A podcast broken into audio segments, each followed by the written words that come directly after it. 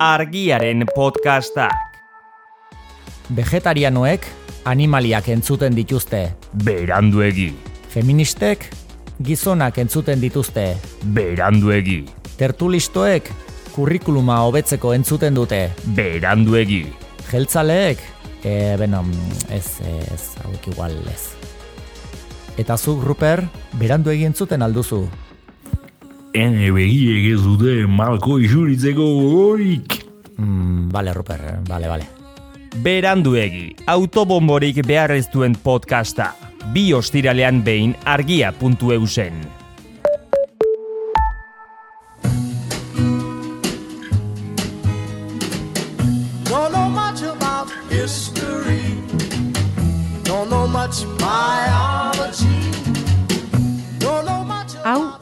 oroimen histerikoa da. Historia diren istorioek txoratzen gaituztenon podcasta. But I do know that I love you. And I know that if you love me too, what a wonderful world this would be. Bona tarda, konpainz y konpainas. E, nagore mikron eta punto makinetan prest dira hori ministeriko berri bat sortzeko. Ez dala? Hala da bai. Hala da. Eta gaurkoan gainera, garaian garai jokoz kanpo agertzen zaizkigun edo agertu zitezkigun kontu ezitzen behar dugu. E, adibidez, pizka gaia kokatzeko. Hemen eta orain odol urdina duen duela dioen jendea gotea, o mm, emakumea gizon baten zaietz batetik e, atea zela dioen liburua sakratu dela dioen jendea egotea, edo goita bagarren mendean, e, kanpaia formako prakak e, egotea. E, Bai, astakeriak ere badira, baina kasuntan anakronismo ez e, itzingo dugu. hori da. E, etimologia eta definizioa emango ditugu, ez? E, itza grezieratik dator. Bai. Grezierazko ana, aurka esan nahi duela, eta kronos e, denbora hitztatik e, dator, beraz, Ana? aur- ana, aurka. Aurka da, Bai. eh? Hala. Eta, bueno, definizioa, e, hauxe da, anakronismoa, garai jakin bateko usadio eta joerekin batez datorren ekintza, pentsaera, objektu eta gertaera da. Bereziki, garaiko beste osagaiekin kontrakarrean jartzen denean. Kasu hontan, ez dugu e, osagai bat testu inguruarekin e, e, konparatuko, baizik eta bi osagai e, jarriko ditugu aurrez aurre, garai edo urte beretsuan gertatutako bi gauza itxuraz denboran oso urrun daudela iruditzen zaizkigunak, ez? E, egia da historia ez dela lerro zuzen uniforme bat, eta horregatik, pues, e, azkenean ustezko anakronismo horiek e, ainarrigarriak ez dira, eta uste baino logikoa direla ikusiko dugu. Mhm. Eta horretarako horrena nola ez, ba denboran atzera joango gara, mm, milaka urte batzuk, agian. Bai, historia horretan zinaroan, eh, esan bezala ustezko anakronismo horiek ez dira ainarrigarriak, osoikoa dira, adibidez, bi aroen arteko eh, muga markatzen du idazketak. Idazketak bakarrik ez baizik eta idazketak dakarren hori, ez? Hau da, eh, sofistikazio sozial, ekonomiko, politiko, ez? Eh, handi bat.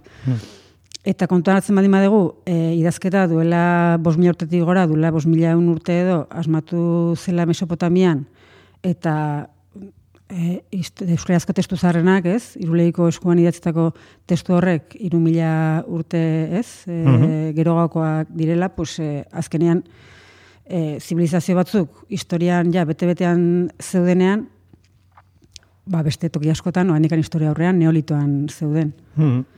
Adibide bat jarriko dugu, Bai, oso tipikoa, ia ba. e, piramideak. Bai. Gizako piramideak, hiru hoiek, e, Estralurtarrek egindakoak. hori da, bai. Zenbat teoria dago horren inguruan mesedez. Bai, bai, bai, bai. Eta zenbat dokumental eta YouTube... eh, Eta zenbat ustezko historialari, Bai, bai. bai, Zenbaterako ematen duen. bai. Bueno, Bo, kontua da hori, duela la mila zazpiren urte eraiki zituztela, eta adibidez, Stonehengeko Inglaterrako megalito handi hoiek, ez, e, bai, hippien eh, topaleku. hori da, e, berren urte geroago jarri zituzten. Hmm. Egia da, aztenategia zarragoa dela, baino, e, orain ikusgai dauden e, arritzarroiek, e, piramideak baino berriagoa dira. Eta beste datu bat, piramideak egin zituztenean, oraindikan mamutak, batzuk behintzat, gutxi batzuk biziri zeuden, oraindikan ez ziren estingitu. Siberian oraindik mamutak bizi izan ziren duela lau mila urte arte edo gutxi gora bera. Un mamut chiquitito quería volar. Probaba y probaba y no podía volar. Una palomita, su amiga, lo quiso ayudar y de un quinto piso lo hizo saltar.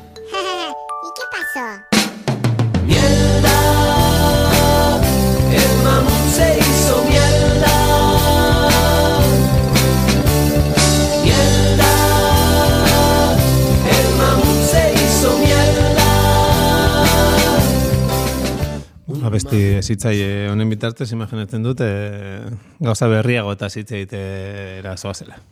Bai, hori da, kontua da gaina hori, ez? Esan dugu, antzinaroa e, historia aurrean anakronismo horiek ez, oso ohikoa direla, eta orduan aroga erekidera e, etorriko gera, eta hasiko gera mila sortzion da irurogeita zortzigarren urtean Londresen. Mhm. Eta em, ba hori, e, urte hartan, zehazki maiatzaren hogeita seian, e, azken esekuzio publikoa egin zen Londresen, urkatuta hil zuten e, kondenatua, eta kondenatua zen Michael Barrett, Irlandarra, Irlandar Errepublikar kausaren alde, lergailu bat jartzeagatik. Esan bezala, maiatzaren hogeita seian, Newgate espetxeko atarian, e, hil zuten, eta mm, 2000 persona hurbildu ziren, Bi mila lagun, eh? Bai, bai, eta gainera kantuan ibilo ziren, ez? E, Britainia handiaren batasunen aldeko Joder, kantuan. Nik ze- imaginatzen ditut futboleko juligana bezala. Ze aktuala. Ez? Ba, ezakit, e, anakronismoa izan daiteke hori. Bai. E, ba, kontua da, ikuskizuna galdu nahi ez zutenek, metroan joateko aukera izan zutela. Ze Londreseko metroak ja ordurako bost urte zituen, bost urterenago inauguratu zen. Orduan esan nahi duzu, London, eh, Londoneko metroak egun eta berrogeita mar urte baina gehiago duela. Bai, Dituela. bai, bai. Eta anakronismoa da, nik uste gehiago izan daitekela nola baitele sinkronismo logiko bat, ez hau da, gauza batzuen eh, hasierak beste batzuen bukaerarekin koinziditzea, Mhm. pues hori, e, ez dela anakronismoa, ez, neko ikoa izan daitekela. Eta hori dago beste gauza bat, esekuzio publikoak ja ez dira egin, literalki bintzat, Mm, baino bai. Irlandarren aurkako jarrera Eh, bai. gehiago iraundu. Bai, bai. Baina esekuzio publikoak eh, bomben bitartez egitituzte, ez? Hori da, bai. Bai, beste era bat. Bai, eta beste toki batzuetan. Eta beste toki batzutan ikusi dugunez. Bai. Londresen jarraituko dugu, baino beste hogei urte beranduago edo, mila zortzion da larogeita bederatzean, ordurako ja metroak mende ordena betea zuen, eta Jack the Ripper, euskeraz Jack errai ateratzailea, Wow. agian hegoaldean Jack destripadorea moduan ezagutuko dugu, iparraldean Leventreur, uste esaten dela, Ah. Eta, bueno, oraindik bereak egiten zebilen, badakizu. Bereak. Ana- a- bai, anatomik, anatomiako klase partikularrak Bai. hartzen. e, ez zuten inoiz harrapatu, ez dakit ez biktima izan zira, baina e, esaten dute, mila zortzion da larogeita zortzitik, larogeita maikara bitartean. Ez zuten sekula rapau, eh? Ez, ez, ez. Ez, Ba, krimen prefektuak eh, egin zituen. ez dakit, edo igual interes gutxi ere Bai, e, argitzeko, ez bai, dakit. eh, bai, biktimak Eh, ez ziren. Serieko hitzaile hauek e, e, aukeratzen dituztenak prostitutak, ez? Eta azkenean, ez? E, gizarteko ba hori biktima zaugarrien zaurgarrienak edo hartzen dituztenean, pues ez dakit. Edo ja pentsatzen egongo zen ondorengo dokumental filma eta serietan. Eta pizkate, ez? Hori da. Amaiera misteriotxo emateko. Hori da spoilerrik ez egiteko, Hori eh? da, hori da. Kontua da, urte hortan bertan Japonian, zehazki Kyoton, Nintendo enpresa sortu zela. Oh, Nintendo handia. Orduan, hori, Jack destripadorea eta Nintendo, Nintendo. batera, ez? Egia da, Nintendo garai hortan, ez, hasi zenean e, kartak egite zituela, e, zehazki Hanafuda izeneko e, jokorako kartak, Mila betzen da berrogeita amasei arte jardun zuen hortan eta irurogeita marreko markadan e, hasiko zen e, bideojokoak egiten eta horregatik ezagutzen du gaur egun, ez? Bai. Bueno, bakizu argazkilaritzen bezala kaneko, kanoneko jendea eta nikoneko jendea dagoen bezala ze, garai batean segako jendillajea zegoen eta gero Nintendoko ok, geunden. Videojokoen aro betean eh, jaio gienetako, bentsa. Nik sega pixka bat, pixka bat... E, Na, eske bai. atzematen zaizu. Claro. Bai. No, izena zuen e, trikuak? Sonic. Eh, Sonic, Sonic. Bai. Bueno, eta publizitate tarte hau pasata. hori da. Bo, kontua da, a, Nintendo eta Jack, ez? Bateratze hori anakronismoa baino gehiago e, orainkeria dela, ez? Hau da, gaur egun izen horiek iragokitzen digutena oso oso garai desberdina dira, ez? E, ba, Londres Victoriarra eta eta bideojoko eta bestea Mm, bai, bai. Nintendo ez etorkizunarekin eta teknologiakin lotzen dugu, baina garai hartan karta jokoak egitea ez zen bat ere berritzailea eta adibidea hemen gertu daukagu bi urte lehenago e, Nintendo baino bi urte lehenago e, sortu zen e, sortu zuen Heraklio Furnierre gurea. bai, izen bereko fabrika, gazte izen. Eta laroita behatzean urte berean, Nintendo sortu zen urte berean, brontzezko domina jaso zuen Parisko mundu erakusketan, Herakliok. Herakliok. Bai, bai.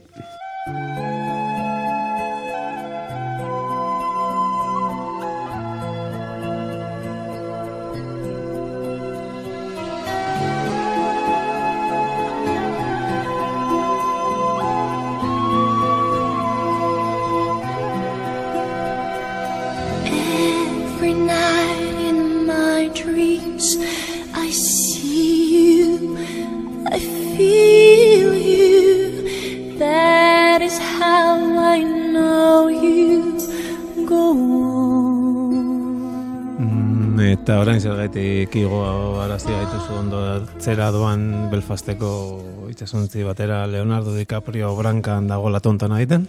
Ba, di mila, mila bederatzen da mabigarren urtera guazelako, eta Titanic e, ontzinagoaz. Mhm.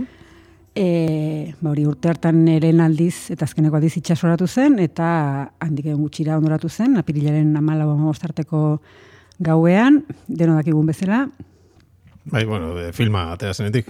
Bai, bai, gainera, nastu iten dira pixka bat, ez? Ban Jack eta Rose, ez, historiaren parte dira ja. Hori da. Eta hor pentsatzen dugu, jo, ba, Jack sartzen zela, ez? Hortzegoen ogol horretan. Baina orduan, etzen, pelikula etzen berdina izango, eta... Nes. Bueno, kontua da, estasia, Hala, to biraketa. hori da, estasia urte beran asmatu zela, edo, ondo. bai, estasia edo MDMA, edo iruko malau, metilenon, barkatu, eh? metilen dioximetanfetamina. Oso ondo, nik uste zehatza dela.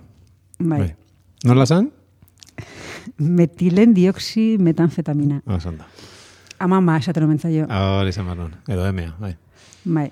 Kontua da sustantzia hau e, Anton Kolisch kimikari alemaniarrak e, sintetizatu zuela, e, Merck farmazeutikarako lanean ari zela, baina bere helburua ezoiko odol galera gal, e, geldiraziko zuen botika lortzea zen, eta e, met, barkatu besti zen komplikatu bat, metilidrastinina Mhm. izenekoa, eta MDMA hori lortzeko tarteko e, pauso bat besterik etzela, eta merkaek enpresak e, patentatu bai, baina ez zion jarraipenik eman horri eta interes berezik ez agertu, agertu. Beraz, batera sortu ziren, baina ez da posible hori Jack eta Rose, ez? Ja. E, hori, untziko bodegan, ez? E, e, kotxe hortan zeudela, ekstasia hartzea. Ah, Beste ja. moduko estasi batea iritsi ziren. Ez nekan, ez nekan e, ikuspe horretatik ikusita, baina bai, izan, izan ziteken. Baina, bueno, ez- ezin zitekeen izan, ze azkenean e, estasiaren propietate psikoaktibo, psikoaktiboak asko ze e, geroago deskubrituko zituzten, Mm. eta irurogeita marreko amarkadan hasiko ziren kontsumitzen, ez droga rekreatibo e, modura, eta batez ere nik uste laurogeita marreko amarkadan zabaldu zela.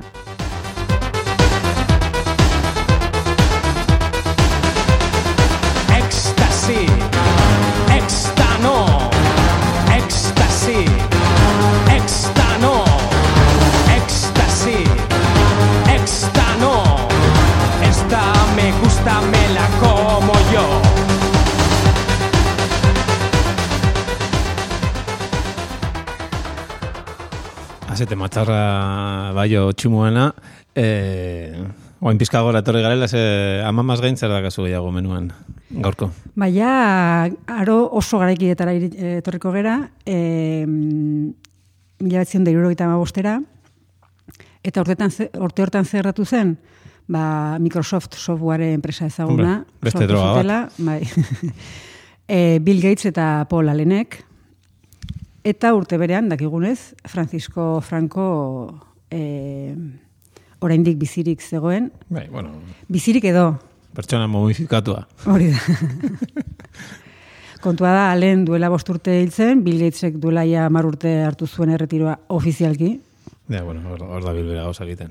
Eta Franco, Franco ezaki, baina bere espiritua esango genuke oso biziri dagoela batzuengan, ez? Bai, esan genezake Allen eta Frankori aspaldi eta zitzaiela Windowseko pantalla urdina. Bai. Eh, Baina Frankoren kasuan aia sesioa guztiz itxi, itxi gabe joan zala, eh? Hori da. Baina, bueno, egoaldean hori sufritu genuen, baina e, iparraldean Frantziako estatuan ere bere anakronismoren bat e, izan zuten, e, handikan bi urtera, mila mazazpian. Bai. Bueno, kontua da, urte hortan Star Wars sagaren lehen filma estrenatu zela. Lehen Bai. filma estrenatzen, sagako laugarrena da. Bai, hori azaltzeko agian denbora gehiago balko nuke, baina... E, pentsatu daukat agian Star Ah. Warsi buruzko Ah, podcast bat egitea, bai. Em, Egun hortan etorreko naiz. Gustatzen dit eta. Vale, oso ondo. e, maiatzaren agoita bostean estrenatu zen e, estatu batuetan, e, e, aste batzu beranduago beste, ez, munduko beste herrialdeetan. Nola ez ba? Urte beran ere Nintendok lehen bidejoko atera zuen. Ja kartak ez zituen egiten eta ja bideojokoa. Aldakizu zein. Ez, zu bai? Ez, zain firike oendik ez naiz heldu mai hartara. urrengo batera gutxiko Vale. dugu hori. Bo, Edo bestela, irakurlek bihali dezatela erantzuna, oroi ministerikoa bildua, da, punta eusera. baino, baino dena batera ez, eh? bestela milioika erantzun batera jasotzea. Bai, bai, nahikoa landako bota. Hori da. Kontua da, urte hortan, Frantziako estatuan, azken esekuzioa egintzela gillotinan, Arabitu ez ondo. etzen publikoa izan, etzen ez zaleturi jun, kantatzera edo... Baina, bai, e, izan zen e, mila batzion dira mazazpiko irailaren amarrean, zehazki, Marsellan, Bumet eh, espetxean, eta Hamida Jandubi, e, oita zazpi urteko tunisiarra esekutatu zuten, Elisabet e, Buske, neskalagunoia torturatu eta hiltzeagatik. Le député Guillotin, dans la médecine, très expert et très malin, fit une machine pour purger les corps français de tous les gens approchés. C'est la guillotine guet, c'est la guillotine. Pour punir la trahison, la haute rapine. Mazazpian ni jaio bi urte lehenago, pertsona eh, munduko beste puntan, e, bideojoko batean jolasten ezin bitartean. Hori da, bai. Kurioso. Eta, bai, hori da, nik uste, hemen eta ekarri ditugunez eh, anakronismoak edo, ez, e, izan direla kuriosoak, ez, bitxiak, deigarriak, baino agian gaur ekarriko dugunak anakronismo guztien artean nabarmenena, e, gilotinari lotuta dagola. Eta da, e, gilotinari bere ustezko sortzaileari, ez, eta eta izenari lotuta. Eta da, Abizen famatu bat. Bai, Josef Gilotan, mila zazpion da hogeita mezortzian jaiotakoa, eta mila zortzian da malauean e, hildakoa.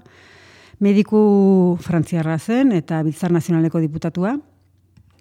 Eta bera, gezurra badirudi ere, eriotza zigorraren aurkakoa zen. Ba, erratokatu zaio bizitzan. Bai. Alegia, Frantziako irautzaren ondo, ondorengo izualdiaren atarian, e, berak e, eriotza zigorra abolitu nahi zuen. Eta nik uste hori baino pentsaera anakronikoagorik, ez? Ez tegula askotan topatuko. Bueno, hori litzateke agian, e, pues, ez dakite, mugimendu veganoak e, ikur bezala Aníbal Lecter e, jartzea. Hori da, hori da. Kontua da, bera, Frantziako Biltzar Nazional Konstituzio gilean, e, zigorra bertan bera zezaten saiatu zen, e, eta alferrik. E, bai. Gero ondoren, Biltzarle gilearen garaian, orduan ere diputatua zen, eta zigorra gozatzeko modua lehuntzen saiatu zen. Hau da, beraz, eh, jatorra. Hori da, bintzat ez dezatela hainbeste sufritu, ez, eh, kondenatuek. Eta, eta orduan, alik eta oinez gutxien eragiten zuen makina bat erabiltza proposatu zuen, ez? E, horrela azaldu zi, biltzarkidei, mekanismoa tximista bezain azkarra da. Burua airean joaten da, odola borbor ateratzen da, eta gizakeak izateari uzten dio. Oso politeri zait. Mm, bai, bai, bai, pizka poeta izateari eh, medikoa, eh? Bai, bai. Tximista bezalako ematu du, e, iragarki baterako ere baka Hori da. e, indarra. Naizta ematen du, barkatu, e, gure Josefek esote zuen egin, osea, eriotza zigorraren kontra gotetik eriotza lehuntzera, ba, Felipe González bat esote zuen egin, eta guillotina edo eriotza zigorra de entrada no. Gero ja, bueno, Bai, a ber, kontuatu hartu behar da testu ingurua, eh? ze, e, e, buru asko zeudela mozteko. Hori da, bai. Ezin gozun gaizuak, ez? Eta, eina, kontua, berak ez duela asmatu, gilotina. E, ez dakigu zinek asmatu zuen, Ah, ez, eh? ez, ez. Baina badakigu, mila zazpiron da hogeita mabiko testu batean, eta gerago, e, mila zazpiron da irueta mazazpiko e, beste testu batean ere deskribatzen dela makina hori. Mm. Beraz, e, Bai, bai. Berak egin zuena eman. zen, horren berri izan, eta hori Bai, hori bai. eraman, ez, biltzarrera. eta biltzarrak proposamena hartu zuen, eta metodoa berehala zabaldu zen, ez? Bai. Praktika asko hartu zuten. Buruak bezain beste zabaldu zen, Bai. airean. Eta gailuari gilotenen izena ipini zioten, esan bezala, asmatzailea etzen arren, eta eriotza zigorraren aurka printzipioz egon arren. Ez zuen asmatu, baina bere biztanaren bitartez, pues, mundura eh, zabaltzen lagundu zuen, ba, ez dakit, gereziako jogurra bezala, ez dira da. gereziarrak, eta, baina, Egia da, bere oinordekoek eta senitartekoek eh, eskatu ziotela Frantziako gobernuari beste izen bat eh, jartzeko makinari. na bai. Bai. Baina ja oso zabalduta zegoen, ez bakarrik e, frantsesez, baizik eta ez, mundu osoan, horrela Bai. esaten zaio. Eta orduan e, etzen aldatu, eta orduan senitartekoek erabaki zuten beraiek e, abizen aldatzea. Aldra, Bai. aldra esko bidea Bai. itzuten, ara. Oh. Ez akidana ez ditupatu ze abizen aukeratu zuten.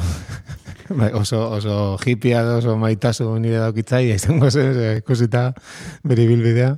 Mama mia. Bueno, ba, garai ilunotan, ba, ez galdu urrengo aste artean, argian, ba, podcast anakronikona, ez? Hori da. Hauxe, horren ministerikoa. Mhm. Ale, ondo bizi. Argiaren podcastak. Podcast hau libre eta doan zabaldezakegu argiaren komunitatea osatzen duten milaka lagunek proiektua diruz babesten dutelako. Zuk ere kazetaritza independentea babestu nahi baduzu, egin argiako kide. Argia, txikitik eragiten.